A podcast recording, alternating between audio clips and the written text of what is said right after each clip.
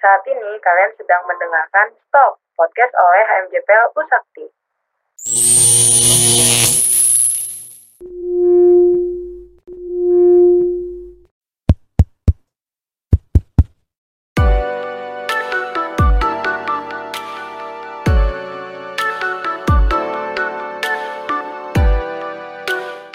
Salam perencana. Saat ini kalian mendengar podcast Stop pada seri 2 yaitu Perjalanan Seorang Mahasiswa.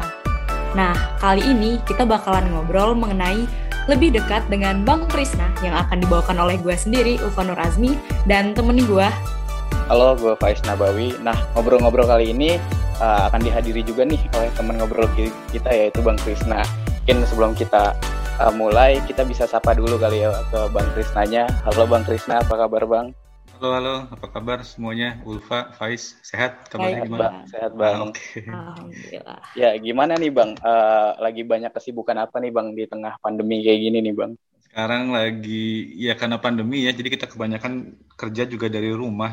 Jadi eh, sehari-hari ya di depan laptop dari jam 7 sampai jam 9 malam kadang-kadang istirahatnya sholat lah paling. Kita ada eh, yang sekarang lagi dikerjain tuh ya urusan kampus ya karena ngajar terus kemudian juga ada eh, apa kegiatan-kegiatan penelitian dan lain-lain gitu. Berarti full WFH nih ya, Bang? Ya, ya, ya, full WFA. Jadi sudah bisa kerjain di mana-mana ya. Sekarang Iya, lagi di Bandung, baru kemarin di Solo, udah pindah-pindah aja terus. Iya nih Bang. Uh, nah nih Bang, ada pepatah nih Bang katanya tak Ah. kenal maka tak sayang. Mungkin uh, sebelum kita masuk ke sesi berikutnya, uh, Bang Krisna uh, bisa memperkenalkan diri dulu biar nanti teman-teman pendengar juga bisa makin kenal dan mak- mungkin makin sayang sih Bang. Iya, iya, iya. Nama, ya oke, nama saya Krisna Trihadi Permana. Em, kemudian kalau masuk PWK itu tahun 2002, jadi bisa ditebak ya usianya berapa. Eh, kepala dua, enggak, enggak, enggak, kepala tiga sekian, nah, hitung aja sendiri. Em, terus, eh, apa lagi ya perkenalannya kira-kira? Hmm, Sekarang background lagi di mana segala gitu, macam. Oh iya iya iya sekarang sampai lupa karena bingung nyeritain. Jadi gini, Iya. sekarang itu eh, ngajar di Universitas 11 Maret, kemudian jadi peneliti di SAPPK ITB, kemudian jadi peneliti juga di University of Liverpool, tempat saya kuliah yang lama, tapi memang daring semua itu, jadi ya bisa dikunyah semuanya gitu sekalian, gitu. Wah, keren banget nih Kak ya di Bang Krisna ini. Nah, kalau misalkan uh, di UNS itu sendiri, Hmm. uh, Abang di prodi PWK juga Bang. Iya, iya. Jadi di prodi PWK itu masuknya di Fakultas Teknik kita tuh di sana tuh ada banyak jurusan. Beda-beda ya kalau di eh, kita di Trisakti kan di FALTL ya, hanya ada Iya, tiga jurusan. Nah kalau di UNS itu kita masuk ke Fakultas Teknik, tapi di dalamnya nanti ada pembagian kecil lagi. Nah kalau di UNS tuh kita eh, PWK itu masuknya di eh, Departemen Arsitektur dan Perencanaan Wilayah Kota. Ya departemen ini bahasa bahasa informalnya lah, karena sebetulnya nggak ada, belum ada secara resmi, tapi kita mengistilahkan begitu. Jadi satu gedung itu diisi oleh dua jurusan, Ah, gitu.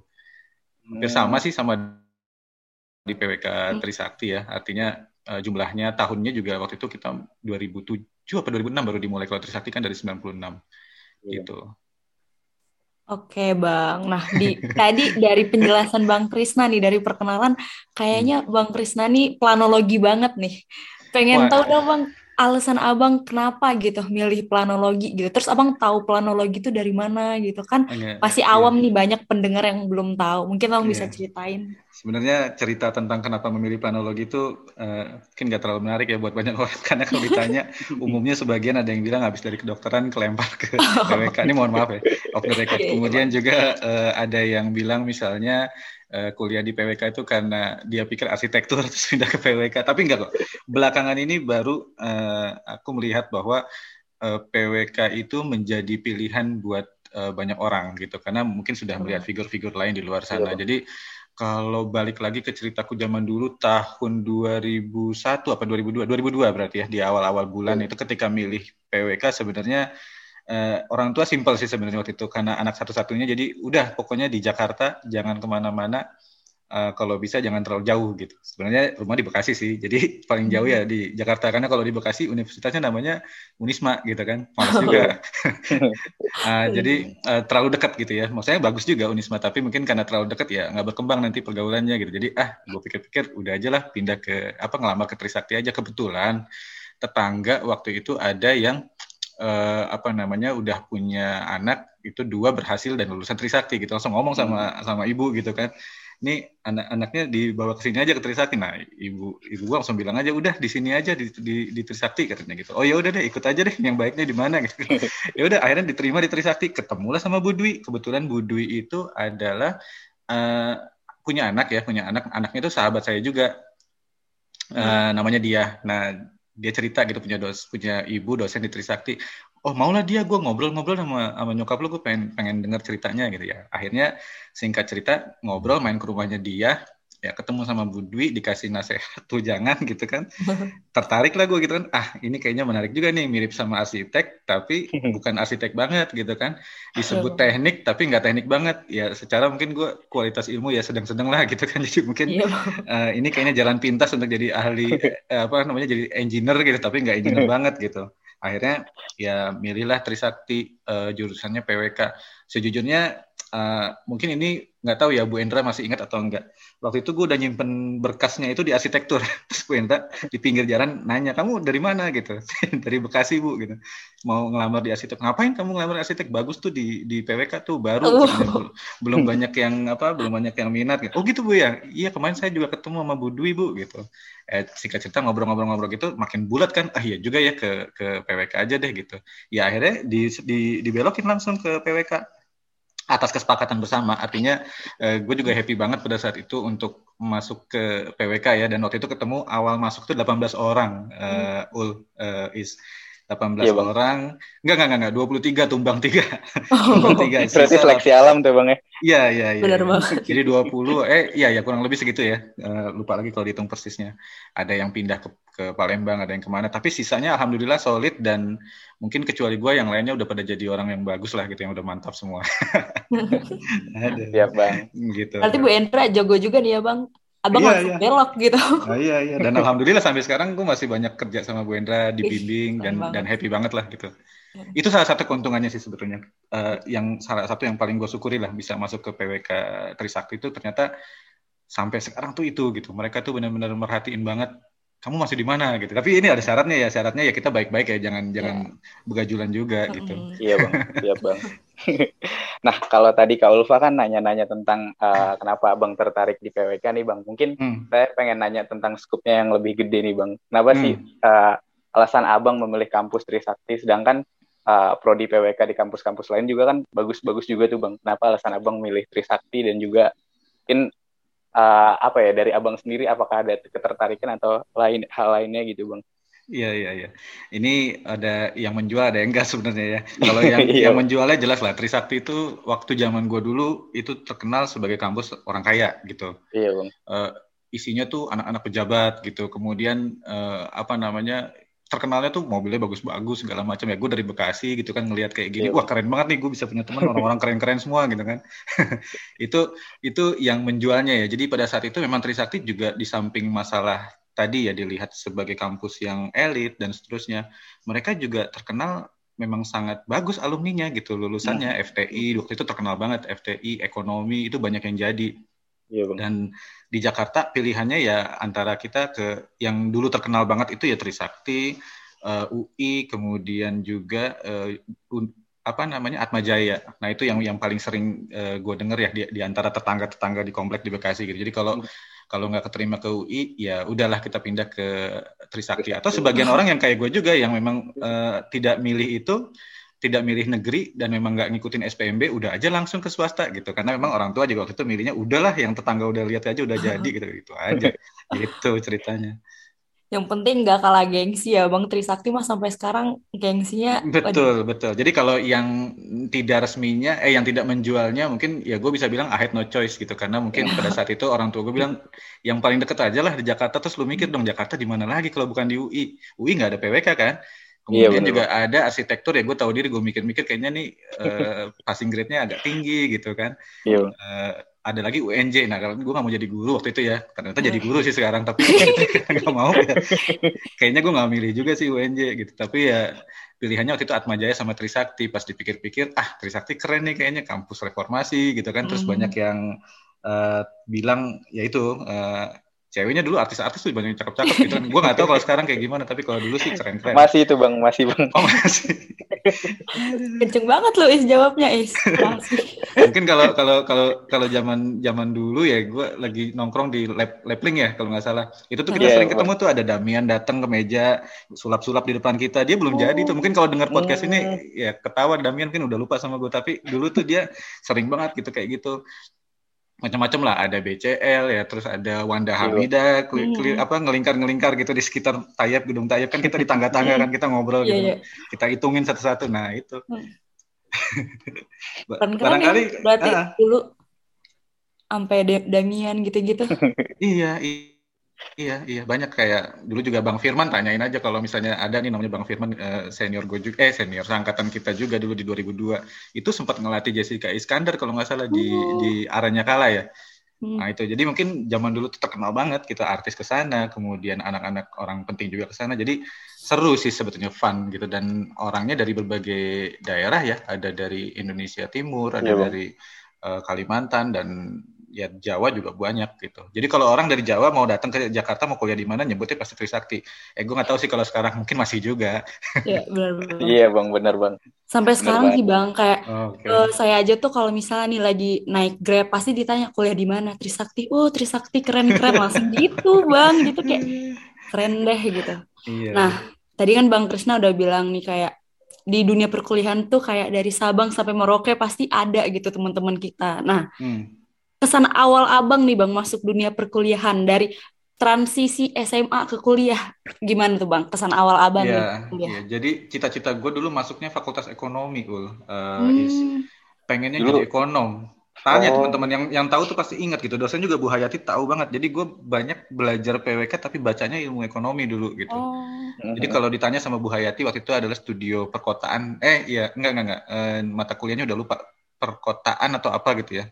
Manajemen Hmm. perkotaan atau apa. Itu gue sering kali ber- berdiskusi sama Bu Hayati tentang ekonomi sebetulnya sampai dia eh, beliau bilang "Eh, kamu cocoknya masuk ekonomi ya karena gitu ya ya iya bu ya saya memang suka jadi ekonom gitu tapi karena waktu itu orang tua bilang ya teknik lah masa eh, ya dulu ada stigma begitu ya sampai sekarang juga mungkin sebagian orang berpikir eh, begitu bahwa teknik lebih baik tapi menurut gua Iya, nggak Bang. ada itu begitu Iya. semuanya bagus dengan ke kelebihan dan kekurangannya masing-masing dan alhamdulillah waktu itu akhirnya gua memilih jalur PWK dan ekonominya juga ada gitu. Dan belajarlah di situ eh, apa namanya PWK yang lebih kompleks ya lebih banyak hal yang dipelajari dan menarik lebih dinamis sebetulnya.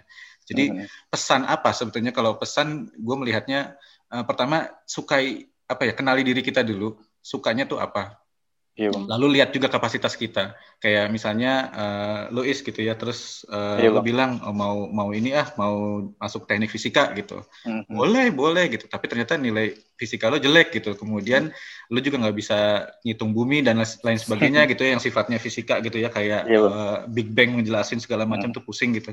Ya boleh jadi bisa tapi butuh usaha keras buat lo belajar. Biasanya orang bilang kalau ngambil jurusan kuliah itu yang pertama adalah kita suka dulu gitu. Mhm. biasanya dari sana sesulit apa pun semenderita apa pun kalau lu suka aman gitu. Ya itu kebetulan kalau kemarin kan kasus gue dipilihin ya bukan dipilihin Iya, Bang. hanya diarahkan untuk ke sana. Gue dapat PWK pas gue pelajari gue suka juga karena ada sebagian yang memang relevan dengan apa yang gue pelajari yang yang gue suka gitu. Jadi akhirnya ah, happy lah gitu dan dan menikmati itu. Gitu Berarti kurang lebih kayak temukan dulu nih bang ya apa yang kita sukain dulu nih baru. benar benar benar. Kemarin ada sepupu tuh SMA ya dia mau Bang. masuk kuliah gitu. Dia bilang dia bingung mau kuliah ke mana. Terus dia bilang mau ke ITB aja deh gitu. Ambil jurusan apa? gitu. Ngambil jurusan biologi. Gue tanya tahu nggak lo biologi apaan? gitu.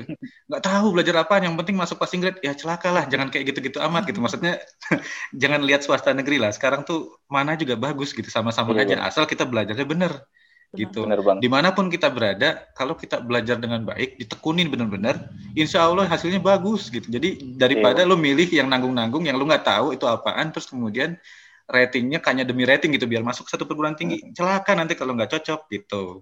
Itu sih salah satu pesannya yang penting ya buat teman-teman yang mungkin SMA mau mau mau masuk kuliah gitu. Jadi Kuliah, ya. ah, ah, gitu.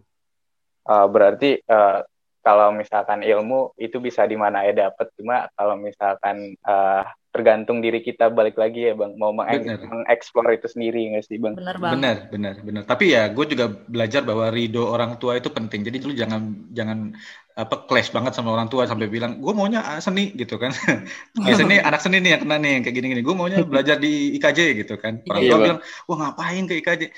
Nah mungkin sebagian orang menjalani ini dan berhasil gitu. Tapi gue sarankan eh, cari yang tengah-tengah lah. Artinya ridho orang tua, keinginan orang tua itu satu hal yang perlu kita wujudkan juga. Artinya itu menyenangkan mereka kan itu mem- menyenangkan Bang. mereka, mereka punya cita-cita apa kita ikuti, tapi sambil pelan-pelan sebenarnya kita cari juga mana yang tengah-tengah. Nah, itu selalu gue pesankan sama banyak orang, artinya eh, keputusan kita jangan selalu apa ya serta merta kumaha aing lah kalau bahasa Sunda gitu ya. Iya, benar. jangan jangan gimana kita banget gitu. Kita hidup sebagai makhluk makhluk sosial, sebagai makhluk yang harus bisa eh, secara vertikal itu kita mengakomodir, tapi secara horizontal juga kita terpuaskan gitu. Jadi menurut gue sih eh, cari jalan tengah lah. Jangan terlalu ego, tapi cari yang kita suka dan di mana sih sebenarnya ruang-ruang yang mungkin eh, orang tua kita ya, terutama kalau pada saat SMA itu suka gitu. Bener bang. Oke bang.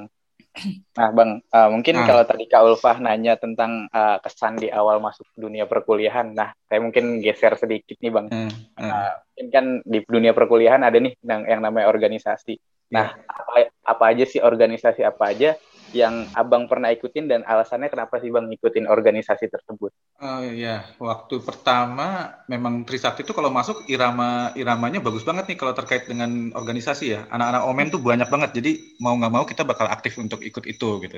Ya, yang kedua memang eh, dari dulu gue suka di OSIS, jadi ketua kelas gitu kan. Jadi eh, pada saat di Trisakti eh, pertama kali gue jadi wak jadi kepala bidang di parlemen mahasiswa tahun 2003 kalau nggak salah atau 2004 2004 kayaknya.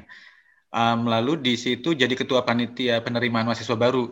Hmm, PKKMB. AA Hmm. itu. Kemudian ketemu sama beberapa teman yang lain ada eh, Mas Agri ada Mas Alpano. Mas Alpano ketuanya ding kalau nggak salah. Sorry gue jadi wakilnya. Hmm. Eh, terus eh, dari situ jadi dibawa ke eh, parlemen mahasiswa. Nah, itu jadi wakil ketua awalnya jadi kepala bidang tahun Hmm. berikutnya jadi wakil ketua Hmm. parlemen fakultas ya. Em, beberapa teman yang lain ada yang jadi menteri eh, di bawah di bawah Kepresma ya dulu eh, Iya, Bang. kabinetnya keren banget namanya Manfaat Maman dan Syafaat Maman Wede. sekarang udah jadi Ini. anggota DPR. Kalau dia Oh iya, tahu Bang, tahu, Bang, dia tahu, ingat Bang. gitu. Iya, Bang. Ah, itu dulu dia rajin banget datang ke fakultas-fakultas dan nah itu juga contoh ya Maman Maman jadi anggota DPR sekarang gitu ya. Halo Man, mudah-mudahan dengar. Eh, Maman jadi anggota DPR ini adalah inspirasi buat teman-teman bahwa kuliah itu lancar organisasi, lancar juga studi. Dan kalau dua-duanya tercapai itu bagus banget gitu. Artinya Banget. eh, secara networking kita bagus, tapi secara ilmu juga kita cukup gitu. Bener banget. Tu- Setuju ah. banget sih bang. Asli Bener, karena bener. kayak kita kuliah emang tujuan kita kuliah tuh buat belajar, tapi soft skill tuh kita harus terus gali gitu. ya Iya, nggak sih iya, bang? iya. Iya, bener Berat banget. bro kalau cuma misalnya kita belajar doang nih ya, pas lulus nggak kenal siapa-siapa, mati. Iya. Kita cari jaringan tuh Iya, susah benar, gitu. Nah, Bener banget. Dan bener di situlah banget pentingnya ikut omen ya, apa ikut organisasi ya. Iya. Apa pun namanya, ikut demo ya sekali-sekali ikut. Gue juga ikut kok dulu gitu, walaupun mungkin ya di baris keberapa gitu kan biar nggak Iya, ketembak. Tapi kan gue ikut juga lah gitu kan. Terus eh, ya apa namanya dengan berbagai motivasi ya, teman-teman juga ikut kok gitu. Ada yang mau sekedar ngeceng, ada yang mau eh, ikut memperjuangkan gitu. Ada yang naik ke dalam mikro apa metro mini ya naik di atas metro Iya, mini gitu. Barangkali gue nggak sampai naik karena gue takut turun gitu. Tapi kan gue dari dalam aja gue udah cukup lah gitu. Terus eh, ya mengenang masa itu kan memang sering-sering gitu ya. Kita eh, ada 12 Mei dan rajin banget Iya, kita setiap betul, tahun tuh ada. Dan di sana kenalan sama banyak teman. Ada yang dari fakultas hukum ada yang dari fakultas kedokteran. Yang akhirnya sekarang ada yang jadi eh, teman sampai sekarang teman baik gitu ya. Orang presma tuh orang eh, apa namanya fakultas dari bem dan lain sebagainya. Gitu. Jadi manfaatkanlah waktunya. Kalau terkait dengan perkuliahan ya Mm-mm. sebenarnya nggak terlalu mengganggu ya menurut gua. Karena eh ya ini beda-beda ya artinya gue bilang begini ini subjektif sekali Eh, buat gue sih kuliah ya kuliah uh, organisasi ya organisasi. Mungkin yang paling berat zaman dulu adalah uh, masih ada ospek ya. Mungkin sekarang udah nggak yeah. ada. Nah ospeknya itu yang agak malas kalau buat gue. Mungkin nggak ada masalah sih, cuma uh, ya tertekan aja gitu kan selama tiga bulan empat bulan dibully gue males juga gitu. Setelah itu sih happy happy sih di Trisakti dan uh, nyaman nyaman gitu. Berarti dulu abang nih kan cukup aktif banget nih bang di hmm. organisasi, di kuliah juga udah uh, aktif juga gitu. Hmm. Pengen tahu dong bang kesulitan abang nih bang selama kuliah apa aja gitu. Pasti kan Sulitan. ada senang, ada susah gitu. Pengen iya tuh, bang. bang. Uh -uh. Ya rumah gue paling jauh kayaknya di antara teman-teman yang lain. Jadi kalau kerja kelompok itu biasanya janjiannya di Sleepy ya kan, di Tomahawk. Iya bang, iya bang. Enak-enak dia yang susah gue gitu kan. Gue diantarin malam-malam jam 11 lewat terminal tuh sama teman-teman ada namanya Dayat, Anto diantarin ke terminal gue turun. Jam 10 malam mereka pulang tinggal tidur kan? Gue jam 10 nyampe jam jam 12 di rumah nih kalau ada anak-anak Bekasi nih kan? Naik bis patas 26 kalau nggak salah namanya. Nah itu tuh yang paling paling menderita sebenarnya. Tapi gue selalu percaya mm, nggak mm, boleh mengeluh dan sebetulnya penderitaan itu kita yang mikirin gitu. Di luar itu hmm. kalau dibawa nikmat ya happy happy aja. Dan uh, alhamdulillah sih kuliah lancar ya.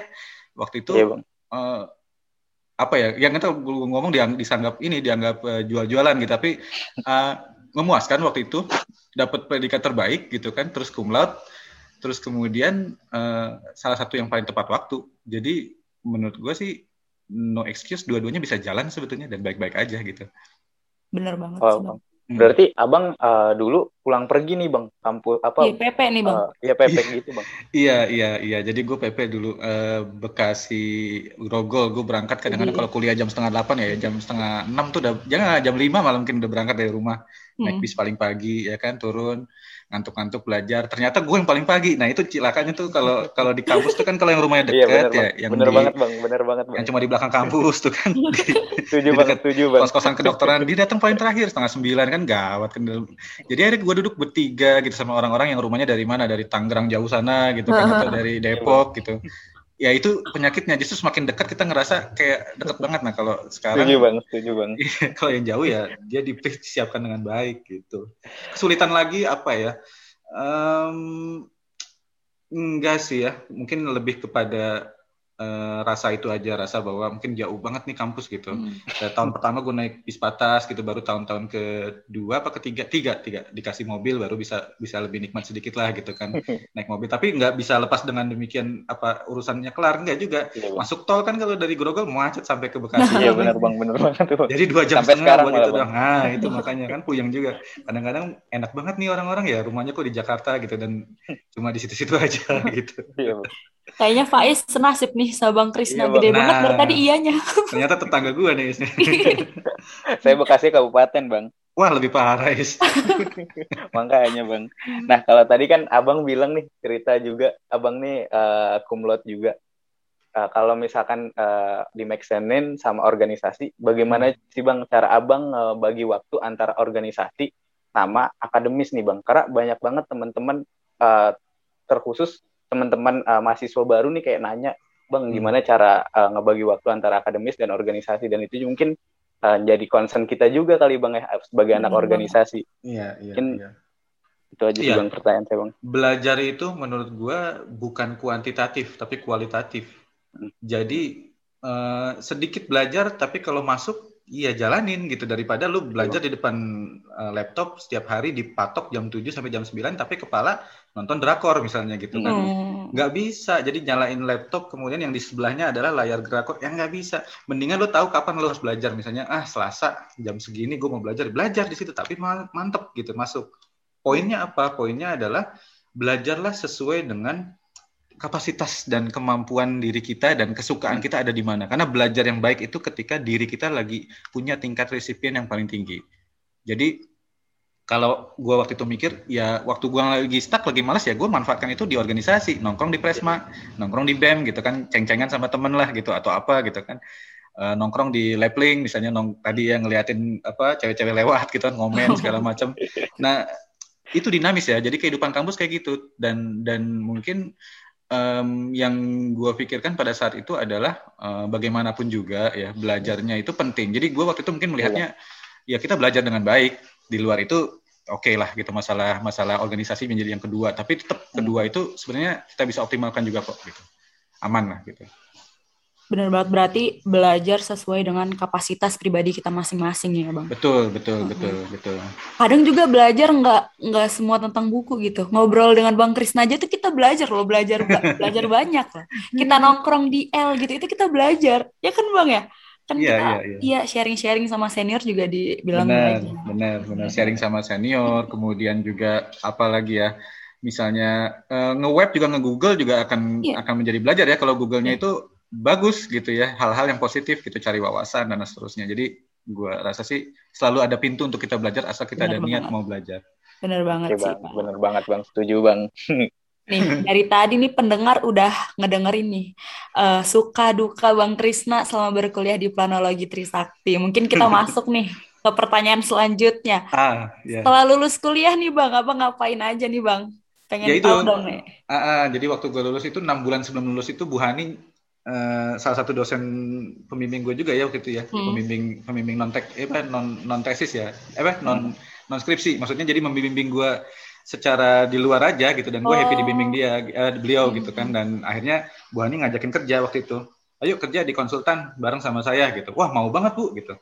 Hmm. ajak tuh temannya satu lagi. Nah ada teman-teman gue tuh yang lebih pintar deh namanya Alpano nah Alpano nih emang etosnya bagus gitu ya, ya kemudian belajarnya juga giat dan dia pintar gitu. Jadi ah ini tips yang lain. Jadi lu nempel sama orang yang pintar Ketika hmm. lu nempel sama orang pintar, lu kebawa irama pintar. Iya benar, Ya kan? Spiritnya itu ya, sama betul. dengan pepatah kalau lu nempel sama tukang, tukang parfum, bau lu jadi wangi gitu ya. ya betul bang, betul Lu nempel sama preman, walaupun lu nggak bersalah, lu ketangkep masuk penjara gitu. Kadang-kadang ya di awalnya. Jadi itu kunci ya, milih-milih teman yang yang punya motivasi bagus dan itu yang gua lakukan pada saat itu dan alhamdulillah ya kerja langsung dapat bareng sama Alvano tuh.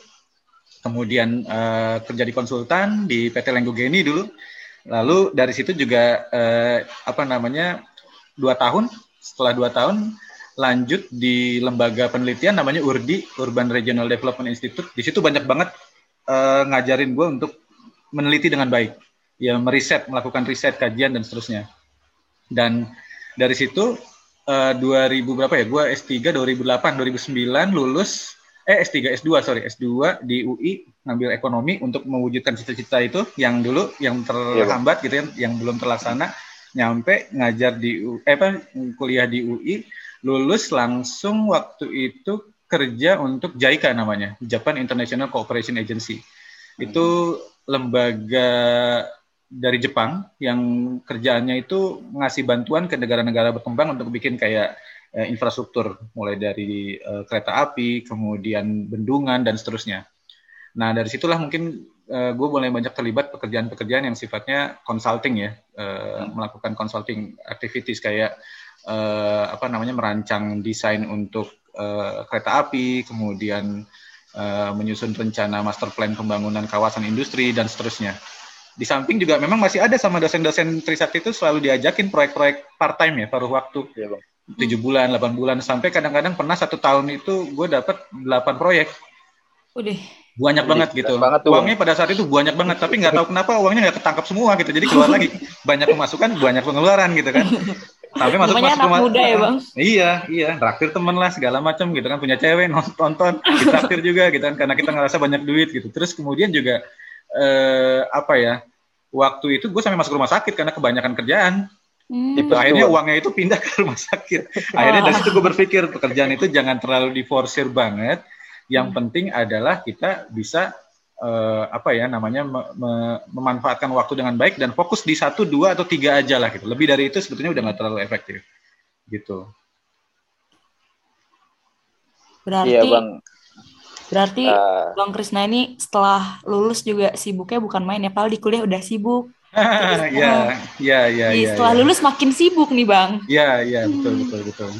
Itu uh, eh, gue syukuri lah. Satu hal yang mungkin gue syukuri, walaupun memang menjalaninya nggak mudah. Artinya selalu ada kadang-kadang satu titik tuh ya kita ngeluh juga ya. Aduh, kok capek banget gitu kan.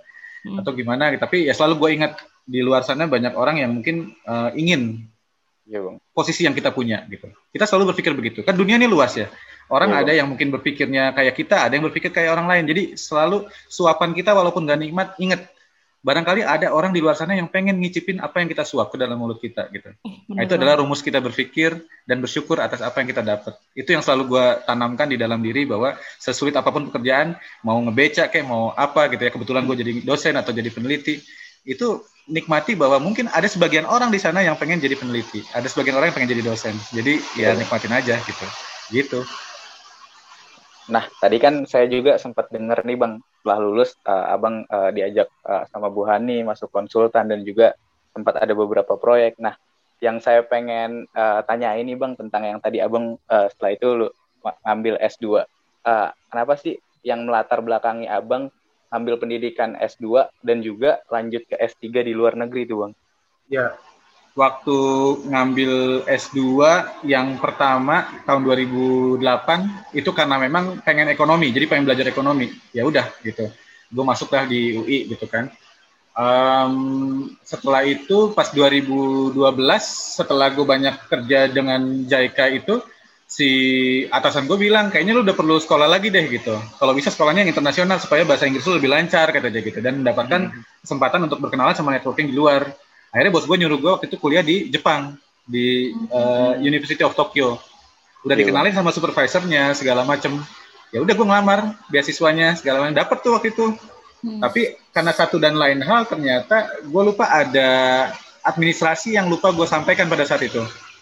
Jadi singkat cerita gue didiskualifikasi waktu itu jadi nggak jadi gitu uh, berangkat ke Tokyo. Padahal gue udah pamit-pamit, uh, tetangga udah diundang sama nyokap gitu ya buat kayak uh, pengajian syukuran gitu kan. Wah gue malu nih gimana caranya. Akhirnya Bu Hayati waktu itu dosen dosen Trisakti juga, PWK juga bilang coba kamu ngelamar di LPDP namanya. Nah coba di sana ada tuh jurusan eh apa namanya uh, buat S2 atau S3 gitu. Hmm. Boleh deh Bu. Ya gue Google Google, gue lihat-lihat gitu. Lalu ngelamar kampusnya perguruan tingginya.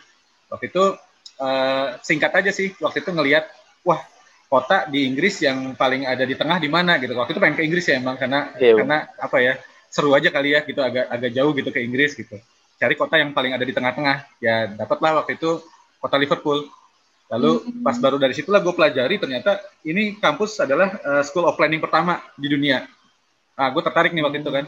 Oh ini sekolah planologi pertama di dunia yang pertama belum tentu yang terbaik ya. Jadi gue bilang di sini uh, poinnya adalah ini adalah yang pertama gitu. Jadi ya, wah gue pengen belajar di sini nih. Terus gue lihat di Google Google gitu kan di YouTube kok keren nih uh, kotanya enak gitu kan. Ah ya udahlah gue mantapkan aja gue ngelamar ke sana. Dan ini buat teman-teman juga ngelamar ya. ke luar negeri nggak sesulit apa yang lo bayangin. Sepanjang lo dapet IELTS minimal 7 atau 6,5 masih bisa. Lalu kemudian lo ngelamar aja, ikutin prosedur administrasinya, insya Allah itu diterima itu yang kadang-kadang stigmanya beda. Orang di sini kalau ditanya mau keluar di luar negeri, wah berat nih ntar gue nggak bisa. Enggak iya. gitu. Yang susah iya. itu justru kalau kuliah di Indonesia ada tesnya dulu, ada apa lagi? Ada kuota kursinya ya kan. Kalau iya, lu ngelamar ke ITB misalnya kan mau mandiri juga susah gitu kan. Hmm. Mandiri saingan sama uang. Kalau misalnya eh, SPMB saingan sama nilai gitu kan. Jadi semuanya tuh kena sana kena sini gitu. Sedangkan kalau di luar negeri itu kadang-kadang mereka tuh prinsipnya diterima dulu justru proses belajar adalah serendah apa pun orang itu ketika dia bisa lulus berarti dia mendapatkan ilmu yang di uh, apa namanya diharapkan untuk bisa dicapai. Mm-hmm. gitu. Jadi proses belajar di institusi itu adalah lewat bagaimana men- mencerdaskan orang yang dianggap paling iya, nggak iya, bisa sekalipun. Cuma betul, syaratnya betul, satu bahasa betul. karena gua gua pahami bahasa itu krusial. Benar sih bang. Berarti uh, salah satu alasan abang uh, ke Liverpool itu karena sekolah pertama School of Planning. Nah, pengen tahu nih Bang, alasan lain yang melatari Abang tuh pilih di Liverpool. Pengen tahu apakah kayak ya udah pengen aja atau kayak ya gue pengen uh, pengen selain di Inggris deh gitu. Apa gimana nih Bang? Selain dia itu adalah School of Planning yang pertama di Inggris di dunia ya Bang? Apa di Inggris Bang? Kalau pertanyaannya kenapa milih Liverpool sebetulnya uh, ya tadi gue sampaikan bahwa kotanya tuh ideal ada di tengah-tengah dekat ke London karena kalau urusan apa pun pasti kita ke London kan? Kemudian apa ya uh, kotanya juga bagus. Kalau lihat di YouTube ya gue nggak tahu aslinya gimana tapi lihat di YouTube waktu itu bagus. Ya jatuh cinta langsung ngelamar ke sana. Kalau masalah lainnya adalah memang uh, gue punya ketertarikan dengan bidang ilmu revitalisasi waktu itu. Urban regeneration namanya.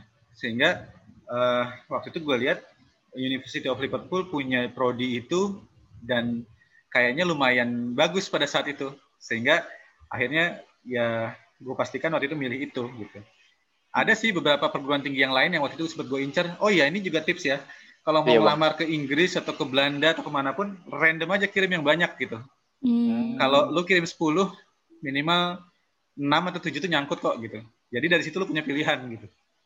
Itu yang gue lakukan ya sebetulnya pada saat ngelamar uh, perguruan tinggi waktu itu kalau mau dihitung ada Liverpool, ada Newcastle, ada Cardiff, ada Reading, ada Oxford, hmm. dan ada beberapa yang lain. Sebagian nggak diterima, udah tahu dong yang mana yang nggak diterima. uh, yang lainnya nerima untungnya. Jadi dari 8 ATM, gue pegang 7 LOA waktu itu. Sudah diterima sama perguruan tinggi. Hmm. Ya, tinggal gue milih mana, oh ya udah Liverpool, konsultasi juga sama keluarga gitu kan. Mau tinggal di mana. Nah, akhirnya ya udah kita sepakati pilih Liverpool. Dan nggak nyesel sih. Gitu. Berarti Bang di Liverpool asrama bang apa gimana bang? Enggak enggak. Tahun pertama gue nyewa apartemen, apartemen satu kamar, hmm. uh, mendekati kampus. Tapi kemudian setelah S2 ke S3, pada saat S3 lah gue mulai pakai rumah sendiri, rumah dua kamar lah. Gede. Gitu. Uh, cari perabotan sendiri, karena di sana tuh nyewa rumah kosong lebih murah.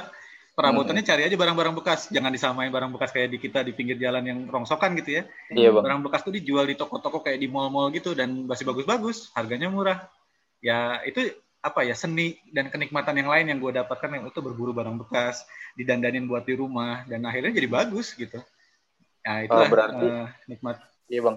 Berarti dulu abang tinggal di rumah eh, nyewa rumah gitu itu tinggal sendiri atau berbarengan gitu bang enggak Amat. waktu tahun pertama gue tinggal sendiri ya kemudian kan menikah nah menikah iya, berdua sama istri setelah itu di, di sepertiga uh, perjalanan lah ya kuliah S2 Lalu setelah S3 gue berdua sama istri. Tapi sebelumnya sempat sih uh, ngontrak satu rumah bareng dengan uh, sepasang suami istri yang lain.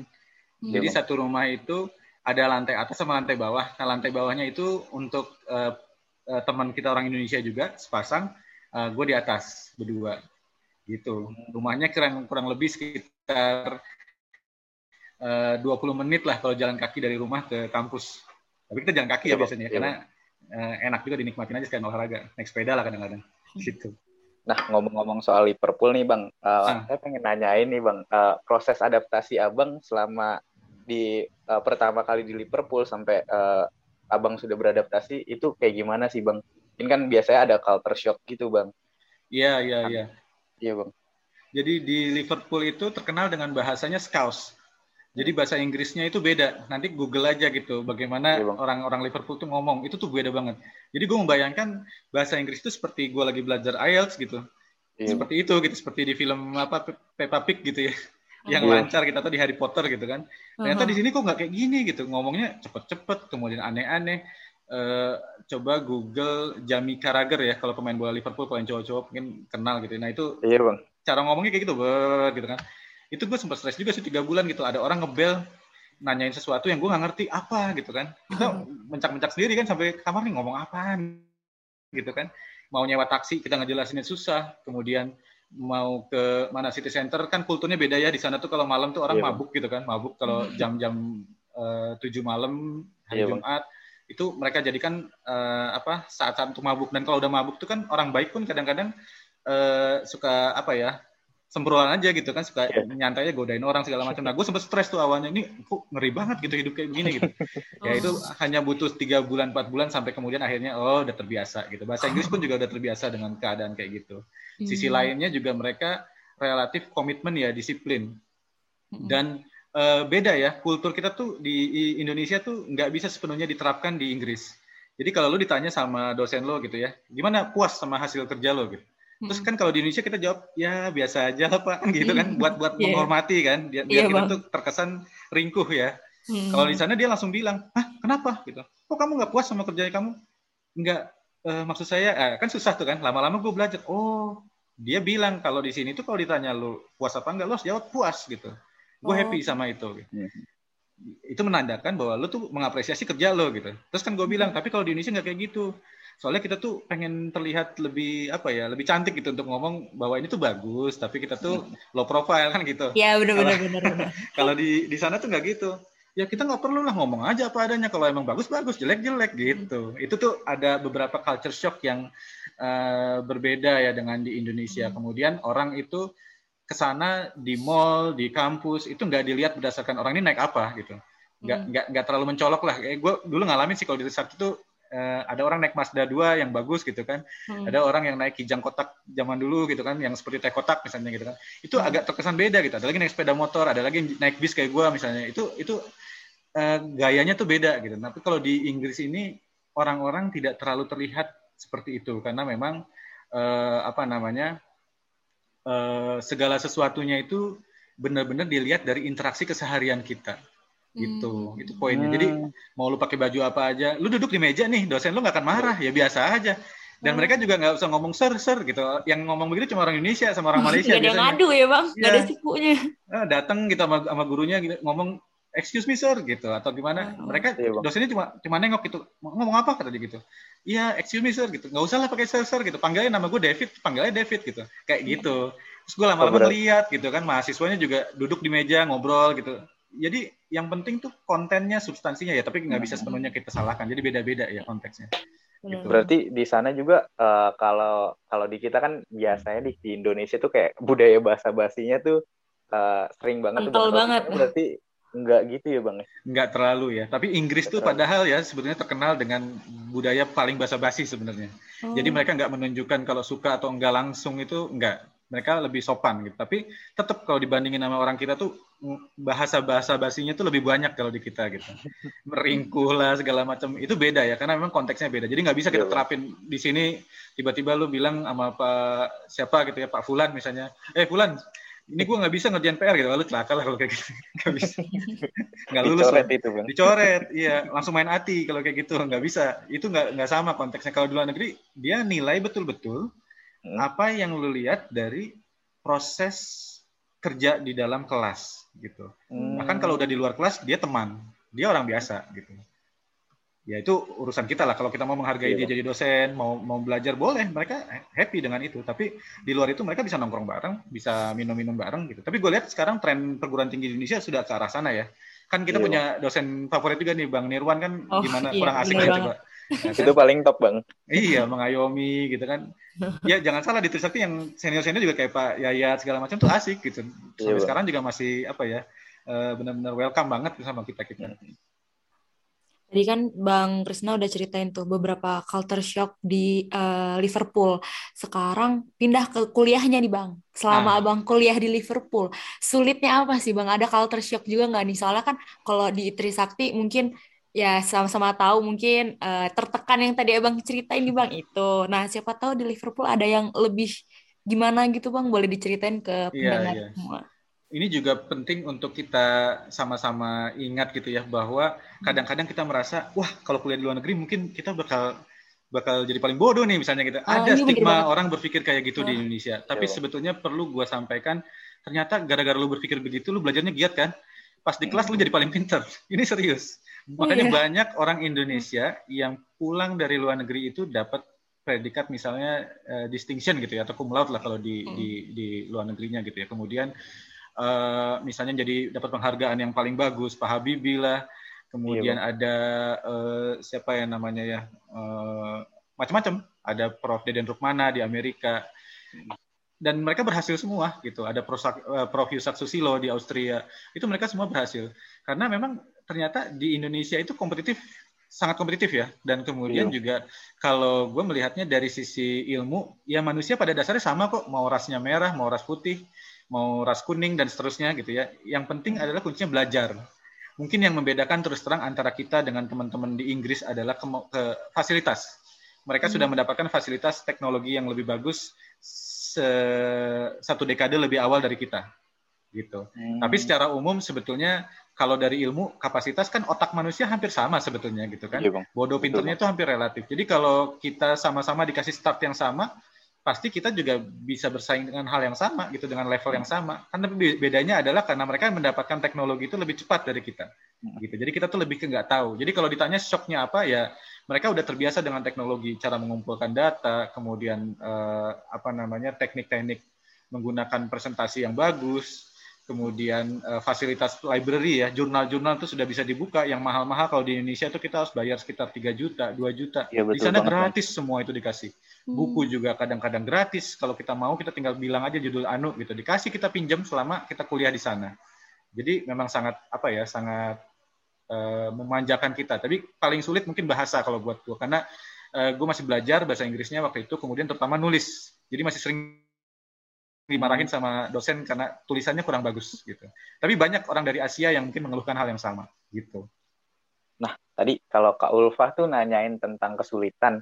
Nah, saya di sini pengen nanya ini Bang. Biasanya kan kalau uh, hal apa sih Bang yang uh, berkesan selama Abang kuliah di Liverpool? Selain misalkan tadi karena uh, prodi PWK-nya uh, apakah bola juga itu bisa jadi pengaruh tuh bang? Karena kan Liverpool nih terkenal sama klub bola bang kalau laki-laki nih bang ya. Benar benar benar.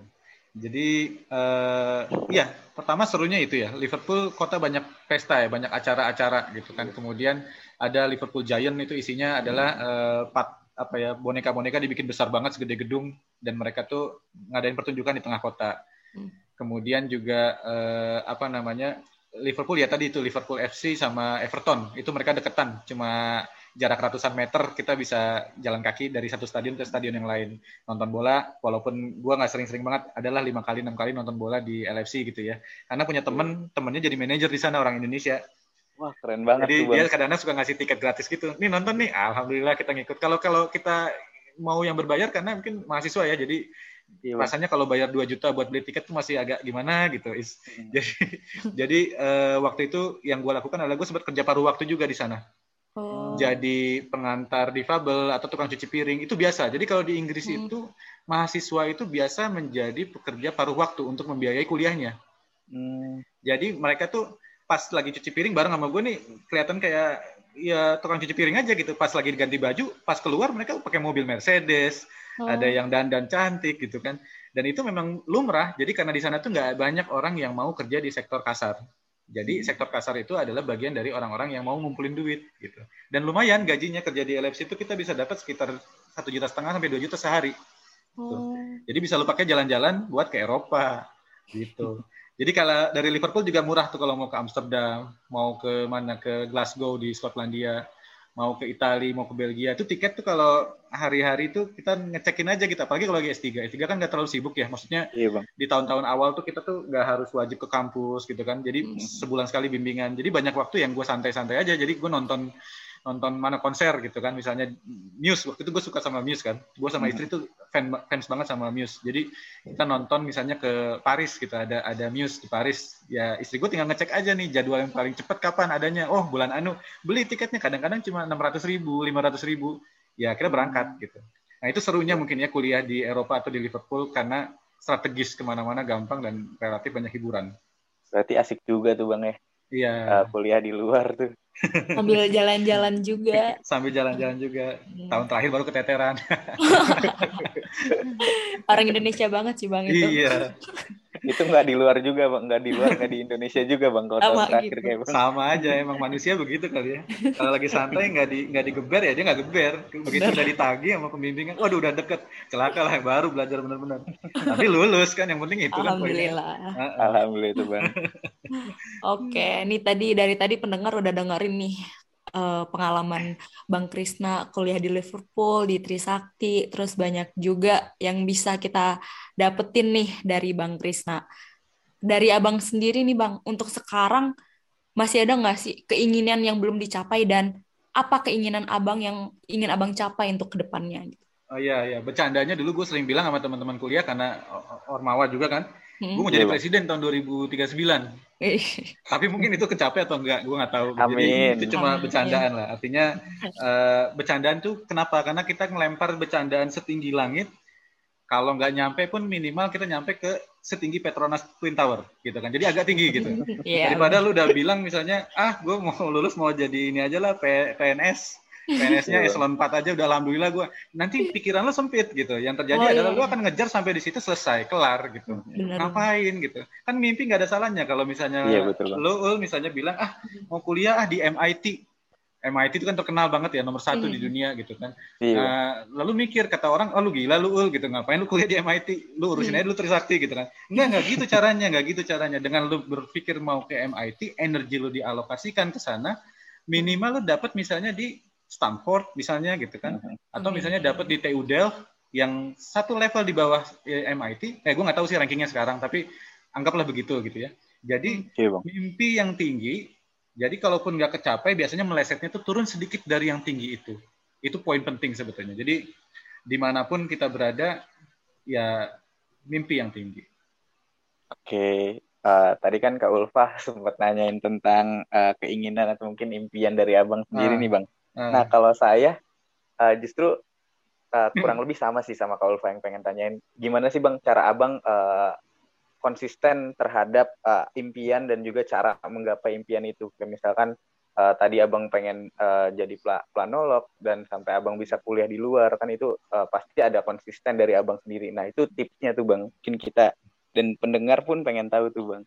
Iya, jadi eh, yang terpenting tadi kekuatan kekuatan ilmu ya kita belajar dan dan gue rasakan gini, apa yang gue pelajari betul-betul di kuliah, walaupun memang kata orang ya nggak semua yang dipelajari di kuliah itu jadi kepake di dunia kerja, whatever. Menurut gue sih, gue belajar di kuliah S1 itu menjadi fondasi awal untuk meletakkan kualitas keilmuan gue. Jadi dari situ ternyata ke mana pun baik-baik aja karena gue belajar dengan baik di sana gitu. Walaupun nggak nggak nggak banyak ya waktunya buat gue belajar Iya, sampai bokap gue nanya gitu kok bukunya dikit banget sih? gitu. Tapi alhamdulillah sekarang buku gue satu perpustakaan gitu kan banyak gitu. Jadi eh, artinya gini kualitas belajar kita adalah hal yang paling penting. Tadi yang gue sampaikan di awal ya belajar dengan baik karena percaya sebetulnya ke depan lu akan bayar dengan itu gitu. Jadi lu nyesel kalau suatu saat lu udah dikasih sekolah ya kuliah di kampus bagus di Trisakti dosennya bagus berkualitas terus lu nggak manfaatin dengan baik. Nanti lu begitu lulus lu ngemis-ngemis gitu bingung gitu pusing. Iya, Bang. nah kalau lu kuliah minimal ada ilmu substansi yang lu ambil. Kalau ilmu substansinya sedikit-sedikit aja lu dapatnya misalnya ranking-ranking C atau atau B minus gitu ya minimal kuliah networkingnya yang lu ambil. Nah ketika dua hal itu bisa lu capai atau salah satu dari situ yang agak menonjol pasti menghantarkan lu ke jalur yang sukses gitu. Jadi uh, gue nggak bilang gue sukses tapi minimal gue Iya. mencapai apa yang gue cita-citakan. Jadi waktu itu gue bilang gue pengen banyak keluar negeri pengen ngerasain pergi ke luar negeri kerja di luar negeri kayak orang-orang di TV gitu kan. Alhamdulillah waktu gue di JICA itu gue mendapatkan banyak kesempatan. Walaupun negaranya belum sampai seideal waktu gue kuliah S3 ya gue banyak pergi kayak ke Myanmar ke mana Kamboja kemudian ke negara-negara yang ada di pinggir-pinggir ya yang ada di Asia Tenggara. Tapi itu cukup Iya. membuat gue jadi termotivasi. Eh ternyata gue pernah bermimpi pengen ke luar negeri kesampaian di sini gitu. Hmm. lalu pengen kuliah di luar negeri ya dapat gitu kan karena apa? Karena tadi gue breaking the the limit gitu. Gue nggak merasa bahwa kata orang susah ya. Gue enggak gue ulik-ulik aja berdua sama Mas Alvano itu. Nah, Mas Alvano Iya. ini banyak ngasih motivasi gue jadi dia dia duluan yang keterima waktu itu di Malaysia. Wah ngelihat dia keterima ya gue berpikir kayaknya gue bisa juga gitu ya. Gue ngelamar juga akhirnya kejadian bisa gitu. Nah itu adalah eh, apa namanya poin lain yang harus kita pelajari bahwa eh, jangan-jangan kata orang tuh belum tentu belum tentu benar-benar seperti itu gitu. rasain dulu sendiri jalani dengan baik pasti ada jalan. Dan kalau lu fokus banget sama satu hal yang lu nggak bisa tapi lu pelajari terus karena lu pengen Iya, pasti bisa pada satu titik. Jadi ya cita-cita juga sama. Jadi gue membayangkan eh, keseriusan kita belajar di S1 menjadi pondasi penting. Kalau lu dari S1 aja udah kapiak gitu ya nggak nggak belajar dengan serius Iya, Bang. nanti lu di dipepelin ilmu S2 dipepelin ilmu S3 ambruk. Karena S1-nya nggak kuat pondasinya. Hmm. jadi ada baiknya nggak bilang harus cum laude, nggak bilang harus memuaskan, peduli amat sama nilai itu kayak gimana. Tapi misalnya kalau lo bisa memahami itu dengan baik, lo jadikan itu mindset di kepala lo, insya Allah berhasil.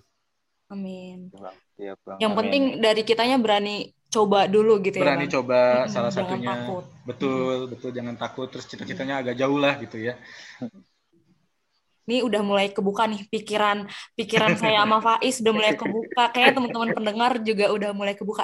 Soalnya bener bang tadi abang bilang kalau lu mikir pengen jadi PNS ya udah target lu cuma sampai PNS bener banget.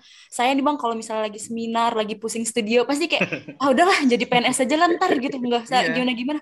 Tapi bener banget kalau kita mimpi yang lebih besar lagi pasti pencapaian kita akan lebih dari itu gitu. Betul, betul. Jadi Nah, PNS mungkin- boleh, eh, Hmm. tapi PNS-nya yang tinggi lah, misalnya jadi dirjennya kan gitu kan. Oh, mantap kan? amin. Siapa tahu aja jadi gubernurnya ya, Bang. Nah, iya. Amin. Nah, terakhir nih Bang, mungkin uh. dari Abang boleh kasih wejangan buat kita, buat saya, buat Faiz, buat pendengar semua, saran dan masukan serta motivasi nih Bang.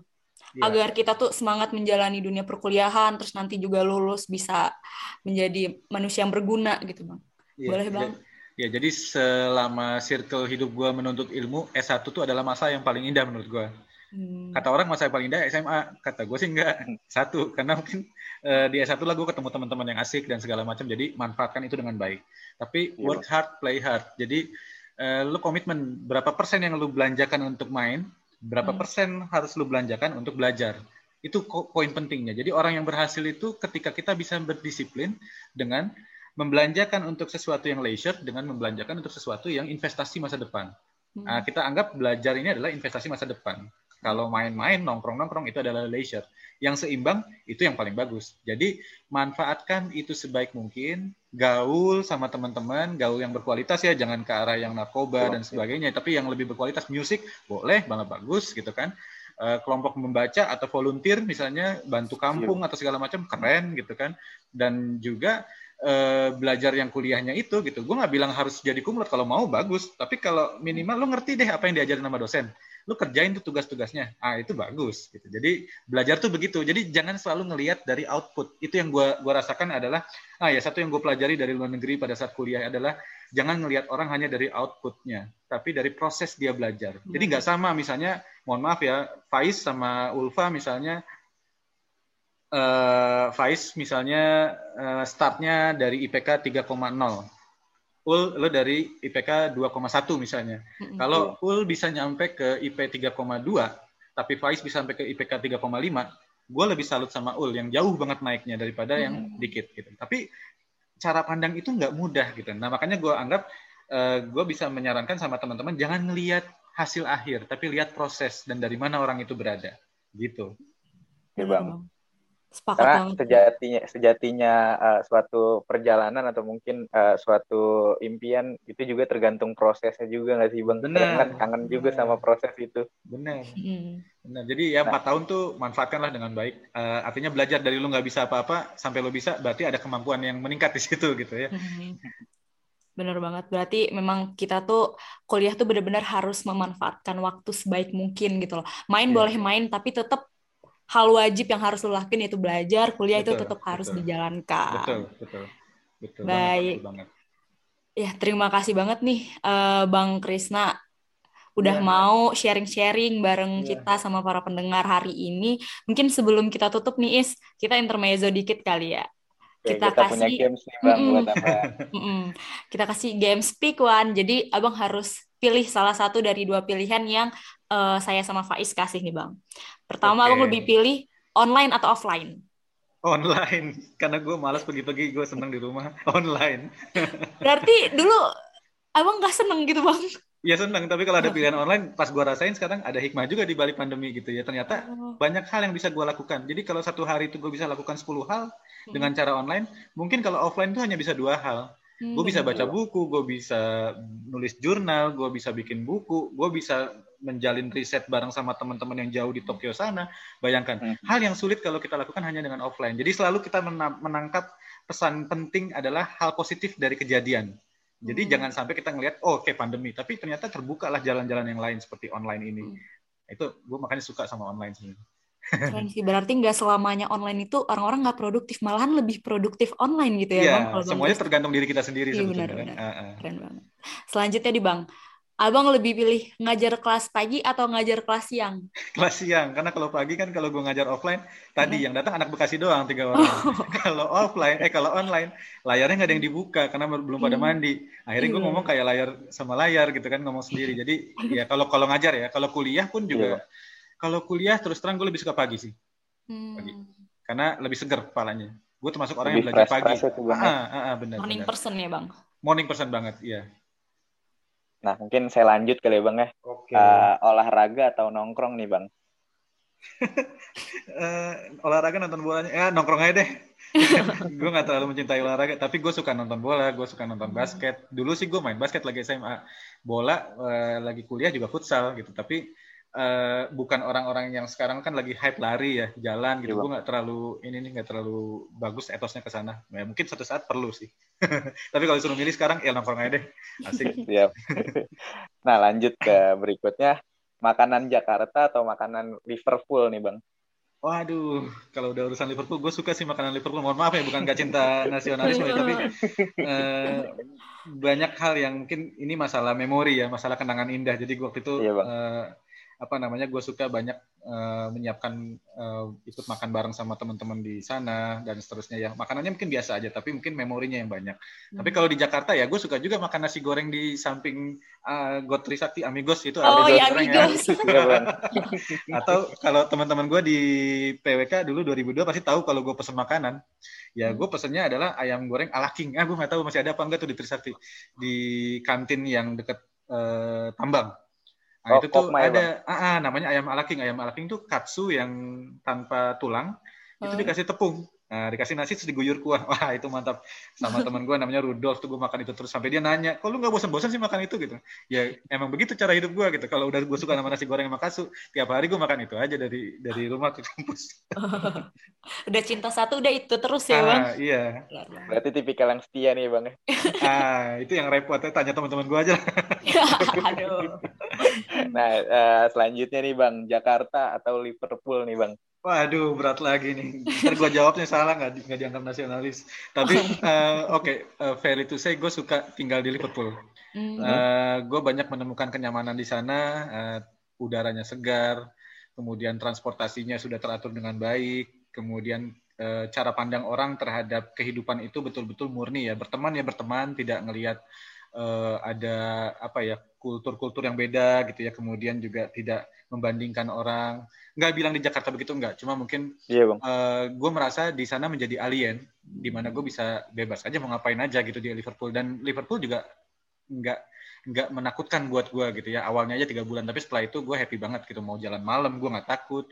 Ya gue di Bandung masih takut. Gue kadang-kadang ke Alfamart parkir mobil terus jam satu dini hari gitu takut dibegal tanda kutip gitu ya. Walaupun nggak juga mungkin Iya, aman tapi stigma ketakutan itu masih ada. Sehingga di Liverpool itu memberikan gue hal-hal yang kayak gitu. Gue sakit gue nggak bayar gitu kan dan nggak perlu ngantri banyak langsung dilayani kelasnya premium gitu kan. Terus juga eh, sekolah juga kalau teman-teman gue bilang anak-anaknya sekolah gratis gitu kan. Iya, ya di Indonesia juga gratis sih sekarang. Jadi suatu saat gue yakin betul Jakarta atau Bandung atau di mana pun Indonesia akan mengarah ke sana. Jadi selalu optimis lah buat teman-teman. Jadi jangan melihat perbedaan antara Jakarta dan Liverpool ini sebagai satu hal yang wah ini jelek ini bagus. Enggak enggak enggak. Justru ini tanggung jawab kita sama-sama untuk mewujudkan Jakarta yang bisa lebih dari Liverpool.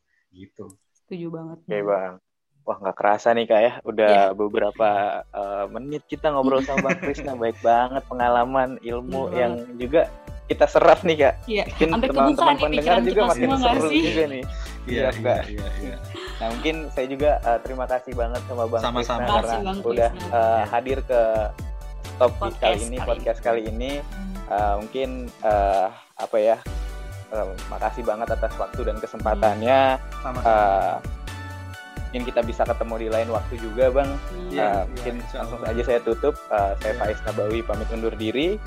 Baik, Iya. saya Ulfa Nur Razmi juga izin pamit undur diri. Iya. Mungkin sebelum ditutup, pengen pantun dulu nih. Boleh nggak nih? boleh boleh Oke. Pantun ya. Pohon pinus memanglah tinggi. Udah tinggi, banyak pula daunnya. Jangan lupa dengerin terus stasiun obrolan planologi dan sampai jumpa di podcast seri berikutnya. Bye. mantap baik makasih Cakep semuanya banget ya. itu kak. Makasih bang, makasih kak. Thank you banget Terima kasih juga. Bang Krisna. Iya. Sehat selalu Sehat ya selalu Bang. juga. Sehat-sehat bang.